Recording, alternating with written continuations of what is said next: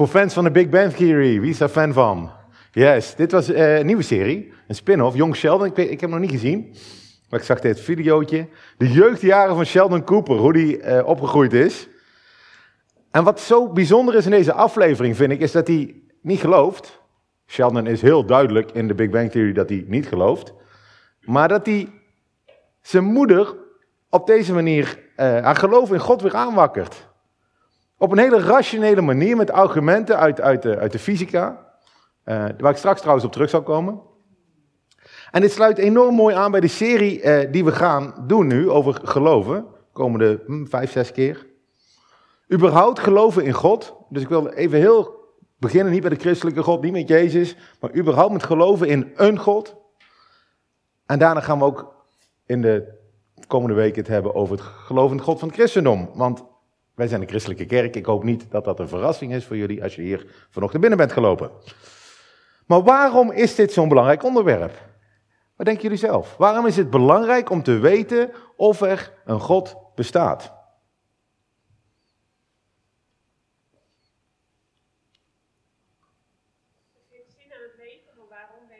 Geef zin aan het leven. Waarom ben je hier op aarde? Mooi. Nog meer ideeën? Andere ideeën?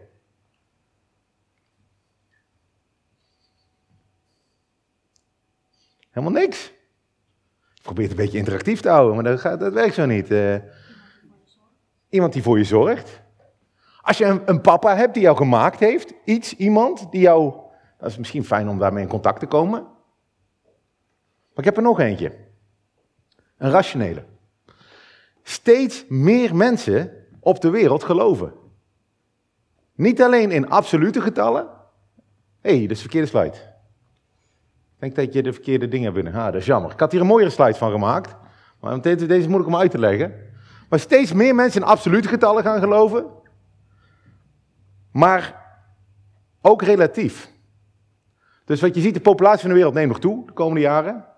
Alleen mensen die geloven, die vermenigvuldigen net wat sneller dan mensen die niet geloven. Dus wat betekent dat? Terwijl we nu met 15%, 16% ongelovigen zijn op de planeet, 1 op de 6 zegt ik geloof in niks, is dat in 2050 gezakt naar 12, 13%. Dat is grappig. Want als je in Nederland woont, denk je dat dat niet het geval is. Als je in Nederland woont, denk je, over tien jaar is er geen christen, eh, misschien nog wel is moslims, maar is er, is er is geloof dood. Maar de cijfers zeggen het anders. Vroeger dacht men met de komst van wetenschap, als we maar slimmer worden, dan gaat het geloof verdwijnen. Maar zelfs in heel technologische landen neemt het geloof toe. Kijk eens naar China. Dat is echt geen achtergesteld land of zo. Daar zijn super slimme mensen bij ASML. Ik denk de grootste groep mensen die we binnenhalen komt uit India, China, uh, Azië daar. Super slimme mensen. Neemt geloof toe. Korea neemt het geloof toe. En zelfs in Nederland zie je dat sommige kerken toenemen. Sommige kerken groeien. Maar wat een probleem is, is dat we steeds meer elkaar begrijpen, minder elkaar begrijpen. Polarisatie neemt ook toe. Er is steeds meer onbegrip voor, ik denk atheïsme misschien niet zozeer in onze maatschappij, maar wel voor dat je gelooft. Het zal belangrijker worden de komende jaren om elkaar te begrijpen en om in een wereld te leven waar geloof toeneemt. Dus als je hier vandaag zit en, en je twijfelt of je gelooft niet, wil ik je danken dat je hier bent. En dat je de tijd neemt om in ieder geval ons beter te begrijpen. Maar ook als je gelooft, en ik denk dat Teunis daar net ook iets moois over zei. Het geloof komt de komende jaren veel meer onder druk. Hier in Nederland zeker. Kijk maar even naar de hele formatie. Het gaat eigenlijk over twee geloofstandpunten waarom D66 niet mee wil doen in de regering. Kan je dat nog uitleggen? Kan je nog uitleggen dat je in 2021 gelooft in een God? En wat doe je als je twijfelt? En ik weet dat er kerken zijn waar je misschien niet zo daarover mag praten dat je twijfelt. Maar iedereen twijfelt. Iedereen twijfelt. Of heeft momenten van twijfel. En er zijn zat mensen in de Bijbel die twijfelen. En dat mag. En het is goed om het daar met elkaar over te hebben. Onderzoek alles staat in de Bijbel. Geloof niet zomaar, wees sceptisch. En daarom heb ik in deze serie een aantal moeilijke vragen over het geloof op een rijtje gezet. Een paar vragen die trouwens in het liedje net van Teunis ook voorkwamen. Zodat we daar iedere week wat dieper op in kunnen gaan. En ik wil je aanmoedigen om niet alleen uh, naar 20 minuten van mij te luisteren vanochtend, en dat worden er natuurlijk 30, want jullie kennen mij beter dan vandaag, maar dat je wat dieper gaat. Er zijn ontzettend veel boeken geschreven over dit onderwerp. En als je denkt, hé, hey, wat heeft Maarten toch een grappig of een slim ding bedacht vanochtend, dat heb ik niet bedacht, ga ik je nu vertellen. Dat heb ik uit een van mijn vele boeken op de boekenplank. Uh, kijk daar eens naar. Kijk daar eens naar. Ik kan ze allemaal lenen van mij. Soms zijn Nederlands, soms zijn het Engels. Er missen nog een hoop. God bewijst. De meeste waar ik hier op leun is uh, het boek linksboven. In alle redelijkheid van Tim Keller. Een superboek als je op zoek bent. En vandaag in het eerste deel wil ik het hebben over geloven in een God die je niet kan bewijzen. Een God die je niet kan zien. Een God die je wetenschappelijk niet aan kan tonen. En ik heb drie punten vandaag, zoals altijd. En ze zijn lekker controversieel, zeker de tweede. En mijn drie punten zijn, je hebt geloof nodig om niet in God te geloven. Dat is niet een rationele uitkomst van een... Je hebt geloof nodig om niet in God te geloven. Mijn tweede argument is, je hebt zelfs meer geloof nodig om niet in God te geloven dan om wel in God te geloven. Die is lekker controversieel. En mijn laatste, en dat is een korte, je hebt een heel klein beetje geloof nodig om een eerste stap te zetten. Dat zijn mijn punten. En dit zijn de slides van gistermiddag en niet van gisteravond, dat is jammer. Voordat ik aan mijn drie punten begin, um, wil ik wel iets kwijt. Voordat, want hier had heel veel discussie over. En dat is eigenlijk waar, waar die moeder van Sheldon het net ook over had. Niemand gelooft of gelooft niet vanwege puur rationele redenen. Soms hoor ik mensen zeggen, ja, ik snap dat mensen in Papua Nieuw-Guinea uh, geloven of uh, tot christendom bekeren, maar wij zijn veel slimmer. Of nog directer, Maarten, je werkt voor ASML. Hoezo geloof jij? Die vraag krijg ik gewoon. Alsof, alsof als je maar ver genoeg nadenkt, je niet gaat geloven. Alsof daar een tegenspraak in zit bij ASML werken of, of natuurkundige zijn en, en, en, en gelovig zijn. Zo'n opmerking is ontzettend neerbuigend. Eigenlijk. Want eigenlijk zeg je, ik ben zo slim en ik dacht dat jij slim genoeg was. Ik denk wel na en jij nog niet ver genoeg. En het kan natuurlijk dat jij slimmer bent dan ik. Ik werk de hele dag met mensen die veel slimmer zijn dan ik. Dus dat verrast mij niet dat jij ook veel slimmer bent. Maar ga er niet van uit dat je slimmer bent dan die 2 miljard christenen op de aarde. Dat geloof ik namelijk niet. En ik hoop dat we in deze serie kunnen laten zien dat christenen net zo goed nadenken en net zo slim zijn en net zoveel nadenken als de atheïsten. Mensen geloven niet in God alleen door hun verstand. Ook door ervaring, ook door omgeving. Die drie dingen. Dus als je zegt dat je snapt dat iemand in Papua Nieuw-Guinea wel in God gelooft, door zijn omgeving, dan moet je ook erkennen dat jij misschien niet in God gelooft, omdat je in Nederland woont. Door jouw omgeving. En dat er waarschijnlijk heel veel mensen in jouw omgeving ook zitten die niet in God geloven en jou daar ook dat voeden. Dat maakt het niet meer of minder waar. Dat is gewoon een gevolg. En als je een ervaring hebt gehad Waardoor je zegt, nou kan ik echt niet meer in God geloven. Ik heb dit meegemaakt, dit heeft zoveel pijn gedaan, dit heeft zoveel verdriet gedaan. Als God bestond, zou dit nooit gebeurd zijn. Dan kan ik je laten zien dat er mensen zijn die precies dezelfde ervaring hebben gehad en juist de tegenovergestelde conclusie hebben getrokken. Door hun ervaring juist dichter bij God zijn gegaan. Misschien ben je heel succesvol geworden, denk je, ik heb God niet meer nodig. Er zijn mensen die heel succesvol zijn geworden en juist tot de conclusie komen, ik heb God heel hard nodig. Er is een leegte in mijn leven. Het is een combinatie van omgeving, ervaring en verstand. En juist in onze omgeving zie ik die worsteling hierin. Heel erg. Ik kom met mensen in aanraking die met hun verstand uiteindelijk wel tot de conclusie komen, net zoals Sheldon, er moet iets zijn. Er moet een schepper zijn. Er moet iets, een God, hè? ik noem het nog niet de christelijke God, een God zijn. Maar het heel moeilijk vinden om daar met een omgeving over te praten. Wat zullen mijn vrienden van me denken? Wat zal mijn familie van me denken? En daarom geen keuze durven te maken om God te gaan volgen. Dus ik heb niet de illusie vanochtend dat als ik maar genoeg verstandelijk met jullie praat over waarom het allemaal God wel bestaat, dat mensen in één keer wel gaan geloven. Maar geloof ook niet het omgekeerde. Dat als je maar lang genoeg met mij praat en met al je argumenten komt, dat ik niet in God geloof. Ik had een eh, vriend ooit, waar ik aan uitgelegd heb waarom ik geloofde. En na een aantal gesprekken zei hij, ik wil niet meer erover hebben met jou. Ik wil er niet meer met jou over praten. Want dit gaat veel te veel impact hebben op mijn leven. Dit gesprek. En dat vond ik zo eerlijk. Want hij zei niet van, je argumenten kloppen niet, of het, het is allemaal niet waar. Hij zei, ik weet dat als ik dit ga geloven, dan gaat dit mijn leven veranderen. En dat wil ik niet. Dat is een keuze. Het gaat niet alleen om verstand. Het gaat juist om die combinatie van je verstand, je emoties, je gevoel, je omgeving. Uh, maar toch, we beginnen met onderwerp 1 en dat is, is het uh, redelijk om in een God te geloven? En mijn eerste punt is, je hebt geloof nodig om niet in God te geloven. En dat klinkt heel tegenstrijdig. Maar je kan niet bewijzen dat God niet bestaat. Alle argumenten die je ooit gehoord hebt waarom God niet bestaat, die zijn niet bewijsbaar. Die zijn, die zijn niet bewijsbaar en die zijn al lang weerlegd. In ieder geval laten zien dat dat geen bewijs is. Een aantal van die argumenten, zoals bijvoorbeeld het probleem van het lijden. Hè, waarom kan een almachtige, uh, alwetende, liefdevolle God uh, lijden toestaan op aarde? Daar hebben we het over twee, twee keer over.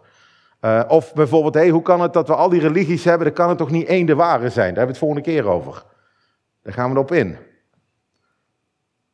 Maar zeggen, wat ik vaak hoor van, hé, hey, ik geloof pas als jij dat bewijst. Hè, dan moet je, jij moet God bewijzen, anders ga ik niet geloven. Daar heb ik wel een vraag over. Waarom is dat zo? Waarom denk jij dat je überhaupt God kan bewijzen? In de jaren 60, hè, weten jullie wie de eerste in de ruimte was? Ja, ja, Yuri, Yuri Gagarin. De Russen in ieder geval. Ja, een aap, ja, ja, ja. Nee, eerst bij mens moet ik dan zeggen natuurlijk. Hè. Een hond en een aap. En er zullen ook wel wat dieren dood gegaan zijn, denk ik. Maar de eerste mensen die de ruimte in gaan, die levend terug zijn komen. Hè, want de rest weet natuurlijk uh, in de jaren 60, weet ik niet wat we allemaal uh, wel of niet te horen kregen uit Rusland. Um, was Yuri Gagarin. Die vloog de ruimte in. En Khrushchev, die was toen de, zeg maar, de baas van de communistische partij daar in, in Rusland. En die zegt een paar jaar later, Yuri Gagarin is de hemel ingegaan, de ruimte ingegaan en hij heeft God niet gezien. Ergo, God bestaat niet. Dan denk ik, ja, Gagarin is 300 kilometer de lucht ingegaan. 300 kilometer, dat is van hier halverwege Parijs. Die heeft rondgekeken in zijn... Eh, die komt terug, die zegt, God er niet, wauw. Als je weet hoe groot het heelal is, dan is dat een enorme geloofstap. Als je 300 kilometer van de ruimte gezien hebt en tot de conclusie komt dat God niet bestaat. Wij wonen op een heel klein insignificant planeetje in een heel klein, die draait om een heel klein insignificant zonnetje in een westerse hoek van een of andere spiraal van de Melkweg. En je hebt daar een uh, fractie van een, uh, van een millimeter van gezien. En dan roep je dat God niet ergens anders zich verstopt heeft in het heelal. Dat is een geloofsuitspraak. C.S. Lewis, een van die mannen in mijn boekenkast trouwens, alle boeken van hem zijn goed, dus kan je allemaal lezen, reageerde op deze uitspraak destijds in de jaren 60 door te zeggen, hé, hey, maar God, als God bestaat, dan is hij niet vindbaar door even een raketje in de hemel te sturen. Hij zei, je gaat Shakespeare ook niet vinden door zijn boeken te lezen. Het is niet zo, oh hier uh, is Lady Macbeth of hier komt uh, Romeo en Juliet, komen Shakespeare tegen. Nee, nee, nee. De auteur van een boek komt meestal niet voor in het boek zelf. En toch, mensen die boeken van Shakespeare lezen, zeggen: Ik vind Shakespeare in mijn boek. Ik zie dat dit een boek van hem is. Het, is, het heeft alle kenmerken van een boek van Shakespeare. Het niet bestaan van God kan je niet bewijzen. Dat is geloof. Sterker nog, er is maar heel weinig dat je kan bewijzen. Er is maar heel weinig op deze wereld dat je echt kan bewijzen. Bijna alles wat relevant is in jouw leven is niet bewijsbaar.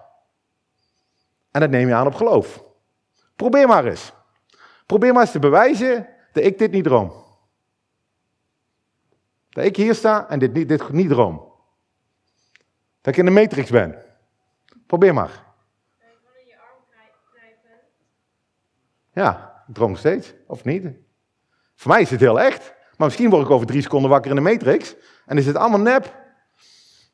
Er was een film ooit. Twee keer verfilmd, zo goed was die. Total Recall, wie heeft die gezien? Met Arnold Schwarzenegger. Nee. In Total Recall wordt Arnold wakker en heeft hij allemaal geheugens. Van zijn trouwpartij, van de mooie vrouw. En het blijkt allemaal geïmplanteerd te zijn. Het blijkt allemaal nep te zijn. En dan komt hij dan achter, want natuurlijk, de manier waarop ze dat gedaan hebben, is natuurlijk net niet goed genoeg geweest. Zodat hij in één keer recalls krijgt over zijn echte leven vroeger. Maar jij kan ook niet bewijzen dat je niet twee minuten geleden, dat we je helemaal voor met ge, dat je wakker bent geworden hier en dat we alle, alle dingen van vanochtend, dat die echt zijn gebeurd. Kan je niet bewijzen. En toch leef je niet zo. Toch denk je dat dit echt is. Dit voelt als echt. Je denkt dat ik tegen je praat. Laat staan dat je je politieke voorkeur kan bewijzen. Laat staan dat je je morele principes kan bewijzen. Laat staan dat je je liefde voor je geliefden, de mensen om je heen, voor een ander kan bewijzen. Mensenrechten, kom ik straks heel even op terug. Kan je allemaal niet bewijzen. Allemaal superbelangrijke dingen in je leven, waar mensen voor vechten. Allemaal niet bewijsbaar. Hoe kan je dan tegen een God zeggen, gij zult mij bewijs afleveren dat u bestaat? Als dat waarschijnlijk niet eens kan. Daar heb je geloof voor nodig. Dus je kan niet bewijzen dat, God, dat er geen God is. Dat is het enige wat ik wil zeggen hier. En dat betekent dat je een risico loopt. Ik ook trouwens. Je loopt een risico dat die wel bestaat. Is dat logisch? Dat als je je leven leeft alsof er geen God is en je komt erachter dat die wel bestaat, dan doe je dat uit de overtuiging, uit een geloof, dat het allemaal wel mee zal vallen als je daar wel achter komt. En andersom, als ik wel geloof, dan heb ik ook het risico dat die straks niet bestaat. En dan heb ik ook een risico gelopen in mijn leven dat ik keuzes maak nu, die straks uh, ja, niet blijken te kloppen. Maar het is een geloofspositie. Dat is mijn eerste punt. Het is een geloofspositie om te geloven dat God niet bestaat. Vragen hierover nu, want ik ga snel en ik praat snel. En het is kwart voor drie, dus ik kan nog heel lang doorgaan. Mijn tweede stap, en die is veel groter, is je hebt meer geloof nodig om niet in God te geloven dan om wel in God te geloven. En dat is natuurlijk, als je daar bent, dan ben je al een heel eind. Uh, en daar heb ik ook iets meer tijd voor nodig. En dit kost waarschijnlijk ook veel meer tijd in je leven. Dat eerste, daar kan ik vaak in een gesprekje bij mensen wel ze van overtuigen dat ze niet iedere hoek in Alpha Centauri eh, stelsel hebben gezocht naar God. En dat God zich nog wel ergens zou kunnen verstoppen, ergens in een hoekje van de heelal, die we nog niet gezien hebben met de Hubble-telescoop. Uh, maar deze tweede is veel moeilijker om te bewijzen. Dat je meer geloof nodig hebt om niet in God te geloven. En dat klinkt kei arrogant trouwens, hè? Dit klinkt best arrogant, denk ik, hè? Maar wat ik bedoel is, je kan gewoon om je heen kijken, observeren. Je kan gewoon naar de natuur om je heen kijken, naar de mensen om je heen. En je kan dan niet bewijzen dat God wel bestaat, maar je kan wel zeggen, hé, hey, dit is gemakkelijker verklaarbaar als God wel zou bestaan. En dit gaat veel meer tijd kosten. Ik doe er drie heel snel, drie voorbeelden. Uh, dus weer die boeken, die gaan veel dieper natuurlijk. Drie dingen waar je dagelijks mee te maken hebt. Ten eerste, je bent hier. Ik ben hier. Dat denk ik tenminste. Ik geloof niet dat ik in een matrix zit. De aarde bestaat, geloof ik. De zon bestaat. We zijn eh, best wel redelijke intelligente wezens die hier rondlopen hier op de aarde. We zijn niet zo slim als we denken, denk ik, maar toch wel behoorlijk slim. Waar komt dit vandaan? Waar komt deze planeet vandaan? Waar komt de zon vandaan? Waar komt het heelal vandaan? De Bijbel zegt natuurlijk al duizenden jaren, en de meeste mensen kennen dat wel. In het begin schiep God de hemel en de aarde. Dus als je antwoordt. In het begin schiep God. God. God was buiten ruimte en tijd en die schiep ruimte en tijd. Een begin en een hemel en een aarde. De wetenschap heeft altijd geroepen, nee, het heelal heeft altijd bestaan. Hebben ze duizenden jaren geroepen. Tot begin vorige eeuw, 1929, begon meneer, uh, wat was het, ik denk dat Hubble dat eerst riep, van hé, hey, misschien, misschien klopt dat niet. Misschien is er toch een begin. En officieel pas in 1964, sommigen van jullie, niet heel veel, hebben dat misschien nog wel meegemaakt. Toen heeft men pas aangenomen van, hé, hey, nee, het heelal heeft een begin. Wat de Bijbel al 2000 jaar riep. De Big Bang Theory. Maar waar komt het heelal vandaan? Want we weten allemaal, je kan niet iets uit niets maken. Dat lukt niet. En dat is echt heel grappig. Dat is een geweldig videootje, moet je even thuis kijken, van Richard Dawkins, een bekende atheïst die, uh, die, die vecht tegen alles wat gelovig is. En die probeert aan een collegezaal uit te leggen, ja, iets, nee, natuurlijk komt niet iets uit niets, maar jullie moeten wel begrijpen wat wij als slimme natuurkundigen bedoelen met niets. En jullie zijn daar eigenlijk te dom voor, daar zegt hij er niet bij, dat laatste zinnetje. En dan wordt hij uitgelachen. En dat vindt hij niet leuk. Dan zegt hij, waarom lachen jullie nou toe? Omdat aan het uitleggen is dat niets toch iets is. En dan krijg je dezelfde vraag natuurlijk. Waar komt dat iets dan vandaan? Hoe kan niets uit iets ontstaan? Of iets uit niets? En dan heb ik het nog niet eens over gehad dat als je een explosie hebt, de natuurkunde, entropie heet dat, dat uit chaos meer chaos komt. Kijk maar naar uh, een slaapkamer van een gemiddelde tiener. En daar wordt energie aan toegevoegd zelfs. In een systeem waar je weinig energie toevoegt, of zelfs heel veel energie toevoegt, bijvoorbeeld door een orkaan. Afgelopen week hebben we een orkaan gehad in Amerika. Dat creëert chaos. Het is niet zo dat die orkaan in één keer over een of andere metaalhoop gaat in, in, in, in, in Louisiana, en dat daar in één keer een vliegtuig uitkomt. Dat gebeurt niet. De natuurwetten zeggen, alles vervalt. Chaos neemt toe. En wij, na duizenden, miljoenen jaren misschien, door een enorm chaotisch proces, een ontploffing, lopen wij hier in één keer rond. Met ons DNA waar boeken en aan informatie in staan. Encyclopedieën vol. Ik zeg niet dat dit God bewijst, hè? dat zal Dawkins ook zeggen. Ja, dat bewijst niet dat God. Maar ik zeg wel dat je veel meer geloof nodig hebt. Dat dit vanzelf ontstaat, dan dat je denkt dat er wel iets was. Mijn tweede voorbeeld is een, is een voorbeeld uit het filmpje van eh, Sheldon dat we gezien hebben. Wat we het, fine-tuning noemen, het afstemmen van het heelal. Onze wereld is veel te perfect in elkaar. Hoe meer dat je gaat studeren en hoe meer de natuurkunde ook leert, um, kom je erachter dat heel veel uh, constanten er zijn en natuurwetten er zijn. Je kan natuurlijk afvragen waarom die er überhaupt zijn, maar die zijn er. En als de zwaartekracht iets groter zou zijn, dan zou de hele boel uh, in elkaar knallen. Als het iets minder zou zijn, dan zou de hele boel uit elkaar uh, spatten. En ik heb het niet over een procentje meer, hè? Ik heb het over een miljardste van een miljardste procent meer. En dat geldt niet alleen voor de zwaartekracht. Er zijn, ik, ik meen dat er wel 10 of 15 van die constanten zijn, die als die een heel klein beetje afwijken, dan is de boel, dan bestaan we niet. Dan zijn we er niet. En zoals Sheldon dan zo mooi zegt in dat filmpje, hoe groot is de kans daarop? Hoe groot is de kans? Het is redelijk, zegt hij in het filmpje, om in een schepper te geloven. Maar goed, natuurlijk hebben ze er ook argumenten voor. En meneer Dawkins zal zeggen, dat klopt. Die kans is ontzettend klein. Die is zo ontzettend klein dat, die bijna, uh, dat je er bijna niet in zou kunnen geloven. Maar dat is geen bewijs voor God. Want, zegt hij, er zouden oneindig veel heelallen kunnen zijn. En een hele kleine kans, keer oneindig, is toch weer een groot getal. En wij bevinden ons alleen maar natuurlijk in het heelal dat niet ontploft is of niet eh, in elkaar gezakt is, want anders zou het niet geweest zijn. Dus alle andere heelallen zijn er misschien wel ooit geweest of zijn er nu nog, maar wij hebben er gewoon geen weet van. En wij zitten toevallig in het, in het juiste heelal. Dat is een heel leuk argument.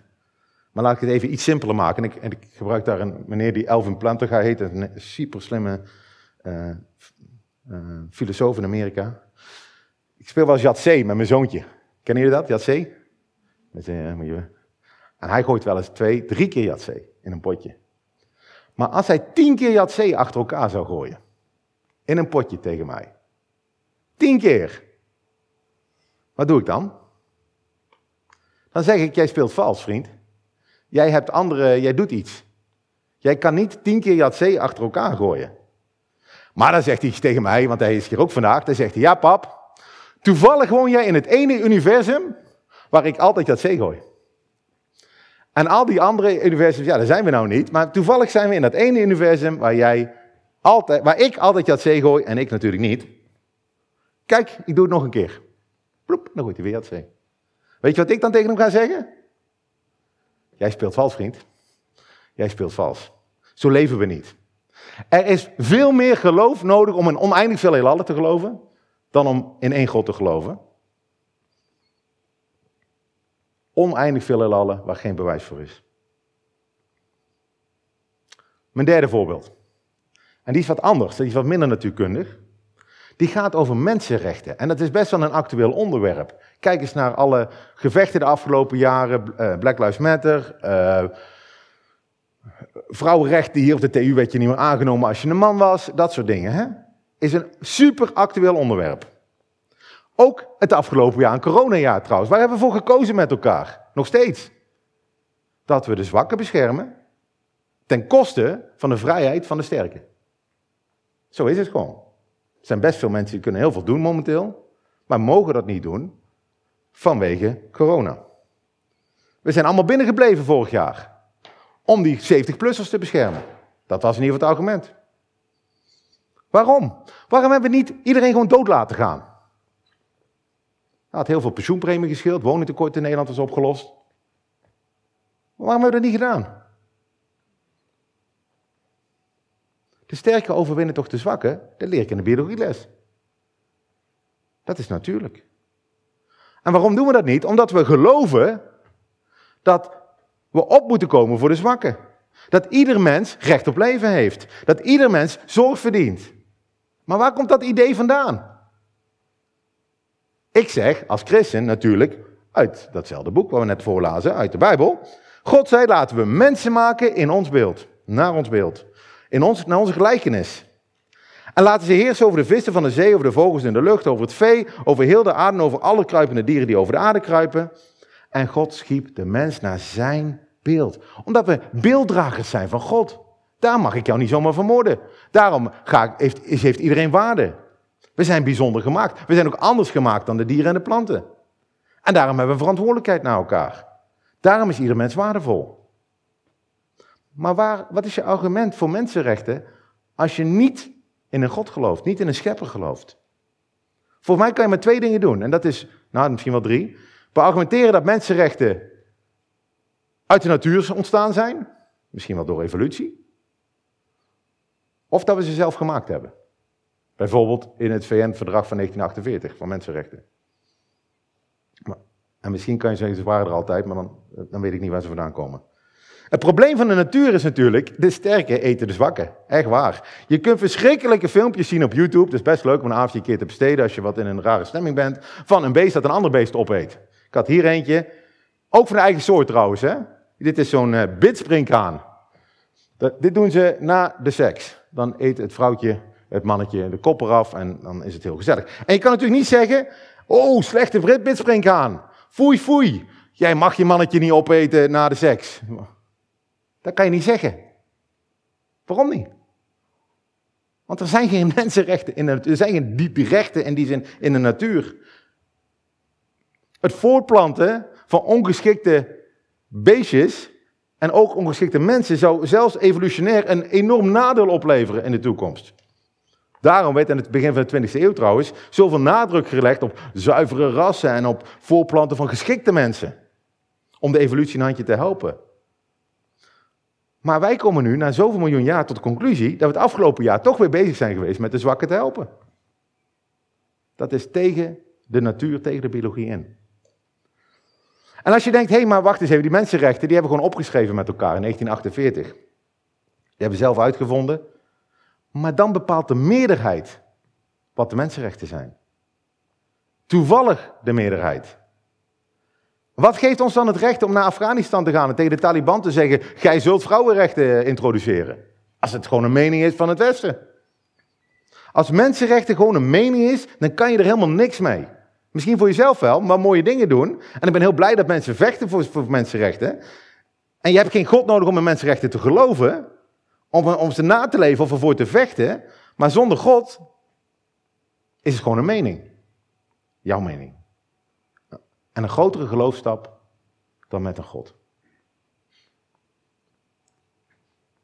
Moet je erover nadenken? Misschien wel. Ik zit te kijken, moeilijke gezichten. Denk eens over na, deze drie voorbeelden. Ik kan ook natuurlijk eindeloos doorgaan. En het gaat ook natuurlijk niet alleen over verstand. Het gaat ook over wat je ziet en je ervaring. dat zei die, die, die vrouw, eh, die moeder van Sheldon, zei het ook in het filmpje. Het is geen hoofdprobleem, het is een hartprobleem. En dat is ook eigenlijk wat ik ook wel zeggen soms van, als natuurkundige is een natuurkunde niet eigenlijk veel mooier als je weet dat het ontworpen is? Is een zonsopgang niet, of ondergang niet veel mooier als je iemand hebt om daarvoor te danken? En niet alleen om daar te bedenken hoe de refractie van het licht aan het oppervlak van de atmosfeer een mooie rode kleur geeft. Hoe mooi is het, dat is jouw voorbeeld, het, het leven, als je weet dat het niet het einde is over een paar jaar en dat alles wat je doet uiteindelijk toch niet nuttig is, want uiteindelijk stort de aarde in de zon en weet niemand weer, nou al eerder al, over honderd jaar weet niemand weer wie je bent. Voor de jongeren is dat misschien een klap, voor de ouderen die weten dat al heel lang. Vertel mij maar wat je overgrootvader deed. En wat voor geweldige kerel die was, dat weet je niet. Voor honderd jaar weet niemand meer wie je bent. Tenzij, tenzij God. Het is, ook, het is niet alleen je verstand, het is ook je gevoel. En er zijn heel veel dingen die je voelt. Die mensenrechten, net onrecht. Leegte. En stiekem diep van binnen, zegt de Bijbel, weet je dat er meer is. En onderdrukken we dat. Dus je hebt geloof nodig om niet in God te geloven. Je hebt meer geloof nodig om niet in God te geloven dan in wel in God. En misschien krijg ik daar zo meteen nog wel wat eh, pushback over. En mijn laatste punt, want ik wil toch, het is nog steeds kwart voor drie, maar ik wil toch gaan afronden. Uh, je hebt maar een heel klein beetje geloof nodig om een eerste stap te zetten. Heel klein beetje geloof. Ik kan niet God bewijzen, had ik al gezegd. Ik kan wel een hoop dingen in de wereld laten zien die beter kloppen met een God dan zonder een God. En het is niet irrationeel om te geloven. Je hoeft je hersenen hier bij de brug niet bij de deur te parkeren als je naar binnen komt, hier je dingetje doen en ze weer oppakken als je naar buiten gaat. Alsjeblieft niet. Maar sommigen van jullie vinden het lastig om, om, om rationeel te erkennen dat God misschien wel bestaat, maar toch die stap te nemen. Waarom is dat zo moeilijk? Misschien heeft het te maken met je sociale omgeving. Ik zei net al, de, familie, wat vindt hij ervan? Je vrienden, wat vinden die ervan? Of misschien heb je ervaringen gehad in het verleden die heel negatief waren. En ik, ik wil je echt uitnodigen, doe dan mee aan dit gesprek de komende weken. En om dat aspect een beetje te pakken, wil ik eigenlijk iedere week iemand vragen om iets te vertellen over waarom ze in God geloven. En dat zijn misschien niet de rationele argumenten van Maarten, dat zijn misschien wel heel persoonlijke redenen. Misschien wel die omgeving. Misschien wel een ervaring die ze gehad hebben. En voor deze week heb ik nog niemand gevonden die dat durfde. Dus dat is jammer. Doen we dat de volgende keer wel. Uh, dus meld je zo graag aan. Maar deze aflevering sluit eigenlijk best wel goed bij mezelf aan. Dus ik dacht, weet je, dan sta je nou toch, dan praat ik eventjes door. Heel kort. Ik heb natuurkunde gestudeerd. En terwijl ik natuurkunde aan het studeren was, zei ik, de wereld klopt niet. Ik las in de krant armoede, ik las oorlogen, ik las geweld. Vrienden van mij zijn overleden tijdens mijn studie. En het voelde onrechtvaardig. Maar er was niks, geen enkel vak dat ik kon volgen bij, bij natuurkunde, wat uitlegde waarom dit zo onrechtvaardig voelde. Het is gewoon het vie, hè, zeggen de Fransen. Dit, is gewoon het leven. Mensen gaan dood. Er is onrecht. Onrecht? Waarom denk je trouwens dat het onrechtvaardig is als de sterke van de zwakke winnen? Zonder God was het gewoon de natuur. Waar had ik dat gevoel van onrechtvaardigheid überhaupt vandaan gekregen? Dingen zijn niet goed of slecht. Ze zijn gewoon. En met God had ik wel een probleem hoor. Want ik zeg, ja, maar als God bestaat, dan heb je al die ellende. Dus hoe, dan heb ik hem ook een probleem. Want hoe kan een, een, een allesmachtige God dan dat allemaal toestaan? Waarom grijpt hij niet in? Maar zonder God had ik een groter probleem. Want dan was alles wat ik voelde een illusie. Dat was gewoon iets wat ik voelde, mijn mening. Was mijn persoonlijke voorkeur. Ik vond dat, ik vind nog steeds, dat de Taliban niet uh, vrouwen uh, mag zeggen dat ze niet naar school mogen gaan. Of uh, gisteren een kerk helemaal mag vermoorden. Dat, dat vind ik dan. Dat is dan gewoon een mening. Met God had ik een probleem, maar zonder God had ik een groter probleem. En dat was voor mij de trigger uiteindelijk om op zoek te gaan, bestaat God? En welke God dan? En je hebt voor die eerste stap, die zoektocht, geen groot geloof nodig. Tim Keller zegt iets heel moois. Hij zegt, een zwak geloof in een sterk voorwerp is beter dan een sterk geloof in een zwak voorwerp. En hij gebruikt daarbij het voorbeeld van als je ergens vanaf valt en je ziet een twijgje of een stam en je valt en je wil vastgrijpen. Je hebt niet veel geloof nodig en uiteindelijk bepaalt hetgene wat je vasthoudt of je wel of niet valt. Niet jouw geloof. Je kan heel veel geloof hebben dat dat twijgje jou houdt, maar met mijn gewicht kan het best zijn dat hij gewoon afbreekt. En ik kan een heel klein beetje geloof hebben in een, in een grote tak, dat die we gaan houden, maar uiteindelijk bepaalt het de, sterkte van de tak of ik wel of niet ga vallen. Je hebt maar een heel klein geloof nodig. Dus mijn voorstel zou zijn, met je kleine geloof, dat ik misschien heb aangewakkerd vanochtend, zeg vanavond voor het slapen gaan of morgen vroeg als je opstaat, als je een keer alleen bent, zeg maar gewoon tegen je muur of in de lucht, God als u er bent, als u bestaat, laat het me weten. Dat zinnetje. Als u er bent, als u bestaat, laat me het weten. Het is een gevaarlijk zinnetje. Want ik weet zeker dat als je dat gaat doen, dat er iets gaat gebeuren in je leven. Kijk eens wat bij mij gebeurd is. Ik sta op een podium hier in een kerk op zondag. Want weet je nog toen straks, toen ik zei dat C.S. Lewis, of eigenlijk wat C.S. Lewis zei over, over God die buiten het heelal is, en over Shakespeare, dat je Shakespeare niet gaat vinden, dat je niet Shakespeare tegenkomt in zijn toneelstuk. Als je Shakespeare zou willen ontmoeten, dan zou hij zichzelf in zijn toneelstuk moeten schrijven. Als je Van Gogh wil ontmoeten, moet hij zichzelf schilderen. En wij geloven dat dat precies is wat God gedaan heeft. Wij geloven dat God zichzelf in de menselijke geschiedenis heeft geschreven. Met kerst vieren we dat. God is met ons. Dat hij van buiten onze vierdimensionale ruimte tijd er binnen is gekomen. Als een klein, weerbaar kindje geleefd heeft onder een niet significant plaatje op onze aardbol. En doordat dat hij dat gedaan heeft, geloof ik dat hij wel bewijsbaar is geworden. Ga maar op zoek naar dat kleine kindje dat geboren is in Bethlehem en opgegroeid is in Nazareth. Jezus van Nazareth, die gekomen is voor ons. Om met ons te leven, om voor ons te sterven, om op te staan uit de dood, om ons te laten zien dat dit niet alles is. Hoe geweldig is dat? Dus als je twijfelt, ga die Jezus zoeken. En je zult geen waterdicht bewijs vinden voor God, voor Jezus, maar je komt wel een waterdicht persoon tegen. Waar we op het einde van deze serie nog veel dieper op in zullen gaan. Voordat ik ga bidden. Zijn er nog dringende vragen of zeg van, ik wil, dit snap ik echt niet. Of dat kan zo meteen ook bij de koffie.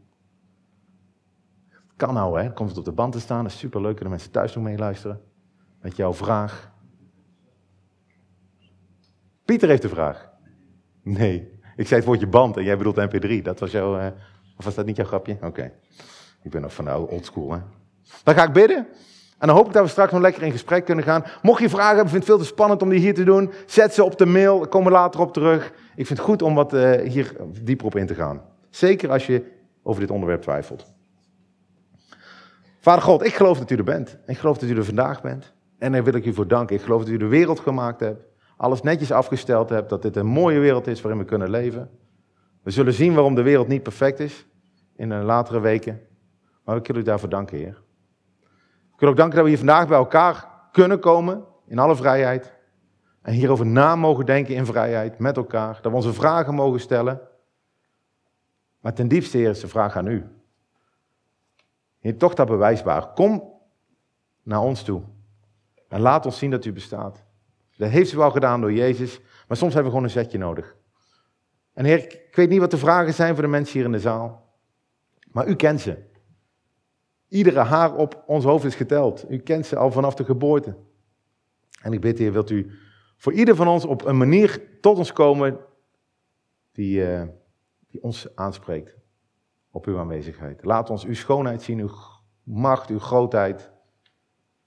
Heer, mogen we allemaal ontdekken dat u een papa wil zijn, waar we gewoon naartoe kunnen rennen. Dat dat het leven toch zo mooi maakt.